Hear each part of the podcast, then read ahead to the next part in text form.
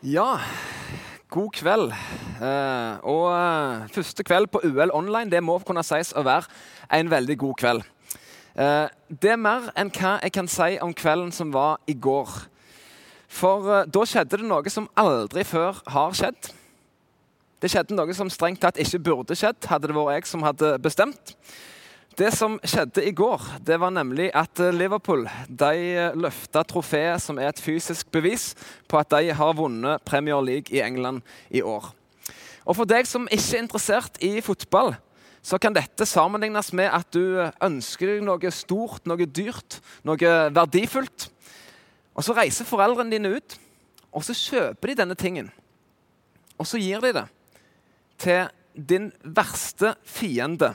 Eh, og det, det, blir sendt på en måte live på nett og, og på TV og sosiale medier. Eh, så det er umulig ikke få det smørt liksom in your face, eh, dette greiene som foregår. Alle skriver om hvor bra det var at dette ble gitt til deg, og ikke til Manchester eh, eh, Nei, beklager, altså ikke United. Jeg mener din verste fiende. Eh, nei, vet du hva? Jeg hadde en tung kveld i går.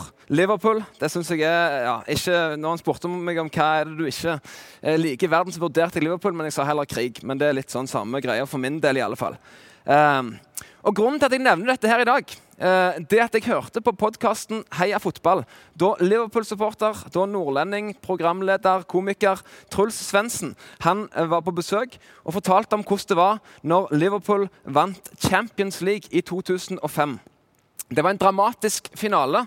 De lå under 3-0 til pause mot AC Milan. Så snudde de kampen, og så vant de til slutt på straffespark.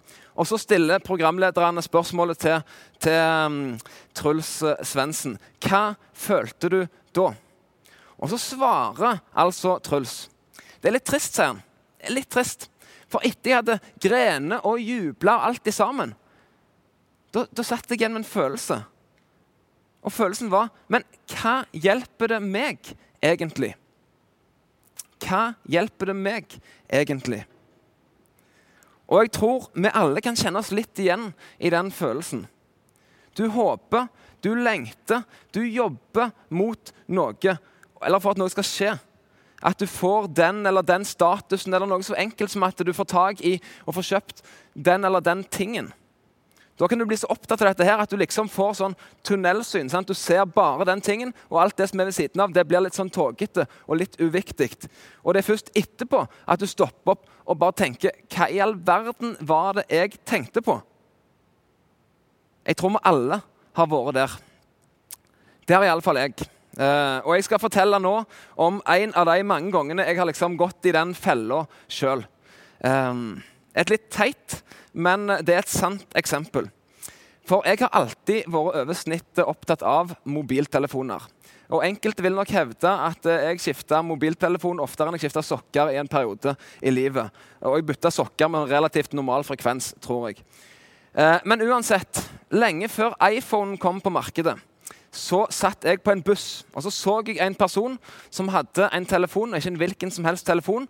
Det var en Sony Eriksson P900. Og På den tida var det det beste du kunne få tak i innen mobiltelefoni. Var, altså, vi snakker 0,3 megapiksler kamera, vi snakker 16 megabyte lagring og ikke minst en gedigen 2,9 tommers fargeskjerm. Og Jeg husker at jeg så på denne personen som hadde denne telefonen, og jeg tenkte Hvorfor er ikke du alltid glad og lykkelig? Hvorfor sitter ikke du der og smiler akkurat nå? Det hadde iallfall jeg gjort hvis jeg hadde eid den telefonen. Og Jeg konkluderte jo selvsagt med at jeg måtte få tak i en sånn telefon. Så jeg gikk hjem og søkte på nett. For det måtte vi gjøre på den tida. Vi måtte først gå hjem, for så å gå på internett. Det er noe som ungdommen i dag kanskje ikke helt forstår. Uh, men jeg leste tester, eh, jeg sparte penger. Jeg gikk på prisjakt for å finne den beste prisen. Og til slutt så fikk jeg råd til å kjøpe denne telefonen for alle sparepengene mine. Og jeg husker hvor mye jeg gleda meg til å få den i posten. Eh, og jeg tror kanskje ennå at jeg kan det 24-sifra sporingsnummeret på den telefonen eh, når den skulle komme. Jeg tror jeg kan det baklengs i søvne. Og Til slutt så kommer endelig meldingen. Jeg kan gå på posten og hente det. Det er en god følelse. Um, og så tenker jeg nå vil alt bli bra. Nå vil folk slutte å snakke om Håvard Østhus, studenten. Nå vil det være Håvard Østhus, Sony Eriksen P900-innehaver. Og følelsen den var rett og slett helt fantastisk, den. I ca. en halvtimes tid. Når jeg hadde prøvd ut alle funksjonene, eh, og jeg begynte kanskje å bekymre meg litt mer for at hvordan skulle jeg få råd til ei bukse som hadde store nok lommer til å huse dette monsteret av en mobiltelefon. Um, så gikk det ikke lang tid før jeg begynte å lese tester om uh, denne spennende nye mobilen Nokia 7610, og sjekka ut hvor mye jeg kunne få for min nå gamle og brukte P900 på finn.no. Eh, og så advarte jeg mot at eksempelet var teit, og jeg kjenner nå at jeg er glad for at det kom med den advarselen. Eh, for jeg var altså så dum at jeg tenkte at denne mobiltelefonen den vil gjøre meg liksom konstant lykkelig. Hvis jeg bare har den, så blir alt bra. Men så erfarte jeg selvsagt at det bare var tull. Jeg erfarte, litt som Truls Svendsen, det hjalp meg egentlig ingenting. Og så har kanskje du òg tenkt sånn. Du har jobba mot et mål som skulle liksom fikse alt. Men når du kom dit, så viste det seg at vet du hva? det ble ikke så bra som du hadde trodd. Det viste seg at dette her som du trodde var så ufattelig viktig, det var ikke det likevel. Men så fortsetter vi ofte å lete etter på en måte flere sånne ting eh, som vi tror vil ordne alt. Vi prøver å gå for mer av det som ikke fungerer, liksom. Og så risikerer vi faktisk å leve hele livet på denne måten. Stadig på jakt, stadig lengtende etter noe som vil gjøre alt bra. At vi blir fornøyd og tilfreds. Men vi finner aldri dette. Vi finner aldri det som hjelper oss, egentlig. Skuespilleren Jim Carrey han er kjent fra ikoniske filmer som 'Dum og dummere' og 'Bruce Almighty'. Uh, han må kunne sies å være både rik og berømt. Og Likevel så har Jim Carrey uttalt følgende alle burde blitt rike og berømte og gjort alt de drømmer om, så de kunne få se at det ikke er svaret. Tenk det. Til og med han som har opplevd så mye, kan kjøpe hva han vil. Han har erfart. Det hjelper han ikke, egentlig. Og det er mange før Jim Carrey, som har funnet ut at rikdom og popularitet det er ikke svaret på hvordan alt skal bli bra. I Det gamle testamentet i Bibelen der leser vi eh, ei bok som er skrevet av en kar som hadde absolutt alt. Han hadde alt som var av sølv og gull. Han var stor, han var mektig. Han skriver at han òg lot seg få alt han hadde lyst på. skriver han. Så han kjøpte alt han ville ha. Allikevel så skriver denne mannen, som kaller seg Forkynneren, han skriver dette. Jeg ga meg til å tenke over alt det jeg hadde gjort med mine hender. Det jeg hadde strevd og slitt med. Se, alt var tomhet og jag etter vind. Det er ingenting å vinne under solen. Alt han eide, og alt han hadde oppnådd, det var bare tomhet, skriver altså forkynneren. Han ble ikke tilfreds med det. Det hjalp han ikke, egentlig. Og En annen som har sagt noe veldig sånn spot on i denne sammenhengen, det er forfatteren C.S. Lewis. Han er nok mest kjent for å ha skrevet bøkene i Narnia-serien. Eh, og C.S. Lewis ble født i Irland i 1898. Så skjer det når han er ni år, at han mister mora si. Og Så blir han sendt rundt på forskjellige skoler i England. og Der treffer han på ulike folk som han blir påvirka av. Og Når han var rundt 13-14 år, så annonserer C.S. Lewis jeg er en ateist. Jeg tror ikke det finnes noen Gud.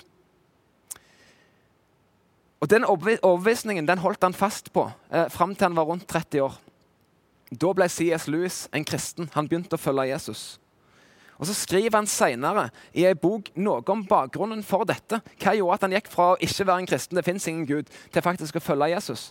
Så skriver C.S. Lewis Dersom jeg finner lengsler i meg selv som ingenting i verden kan tilfredsstille, er den eneste logiske forklaringen at jeg er skapt for en annen verden. Jeg syns det er ganske godt sagt, eh, og jeg tror det er helt sant. For jeg tror på det som står i Bibelen om at vi har vårt hjemland i himmelen. Dersom du trodde at et liksom digitalt hjemme-UL var en bombesikker oppskrift på et hjemlengselsfritt UL, så kan det altså være at du tok feil. For vi er ikke bare skapt for å leve her på jord, og så ferdig med det. Vi er skapt for fellesskap med Gud, han som skapte oss. Han ønsker et fellesskap med oss, ikke bare på jord, men òg i hans himmel i all evighet. Forkynneren i Bibelen han som eh, skrev at alt var tomhet, han har også skrevet at Gud har lagt evigheten ned i menneskenes hjerter. Altså at han som har skapt oss, han har lagt ned i oss en lengsel etter noe som går utover dette livet som vi har på jorda. Vi har alle en kropp som vil dø og forsvinne, men vi har òg alle en sjel som skal leve for alltid.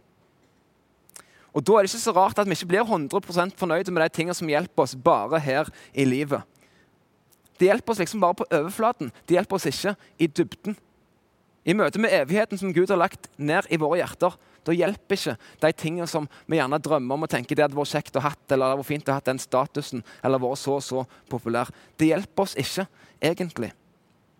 Og så skal ikke jeg stå her og liksom bagatellisere alt det fine og gode som Gud har skapt og gitt oss for at jorda skal være flott å leve på. Det fins enormt mye fantastisk som Gud har skapt og gitt oss. Eh, og jeg tror det er bra å oppleve og prøve veldig mange ting. Men mitt poeng er at vi aldri må glemme å leve livet i lyset av evigheten. For livet, det er kjørt. Et uoppmerksomt øyeblikk i bilen for min del på vei til Ålgård i kveld, så kunne livet mitt vært over.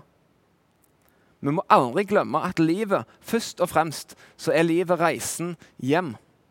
Reisen hjem til hjemlandet vårt. Og da blir det aller, aller viktigste det blir at vi kommer fram. Og en som virkelig hadde forstått dette, det var Paulus. Han kan vi lese mye om i Det nye testamentet i Bibelen. Paulus sitt liv det ble veldig forandra. Og Han skriver noe om dette i ett av sine brever. Vi leser fra Filipperbrevet kapittel 3, vers 7-9. Alt dette som jeg en gang synes var så viktig, anser jeg nå å være fullstendig verdiløst pga. det som Kristus har gjort for oss. Ja, alt annet er verdiløst når vi sammenligner det med den grenseløse rikdommen det er å kjenne Jesus Kristus, min Herre. For Hans skyld har jeg kastet fra meg alt som verdiløst skrot, for at jeg skal få oppleve verdien av å tilhøre Kristus og leve i fellesskap med ham. Paulus sier altså at alt er skrot sammenlignet med det som Jesus har for oss. Hva er det Jesus gjør og gir som ingen andre gjør da? Jo, han gir oss dette håpet utover det korte livet på jord. Og Det står det om i et annet brev i Det nye testamentet, i Hebreerbrevet, kapittel 6, vers 19-20. Der står det at dette håpet om at sjelene til slutt skal bli frelst for evig, er som et solid anker som sitter urokkelig fast hos Gud selv, innenfor forhenget til det aller helligste i himmelen.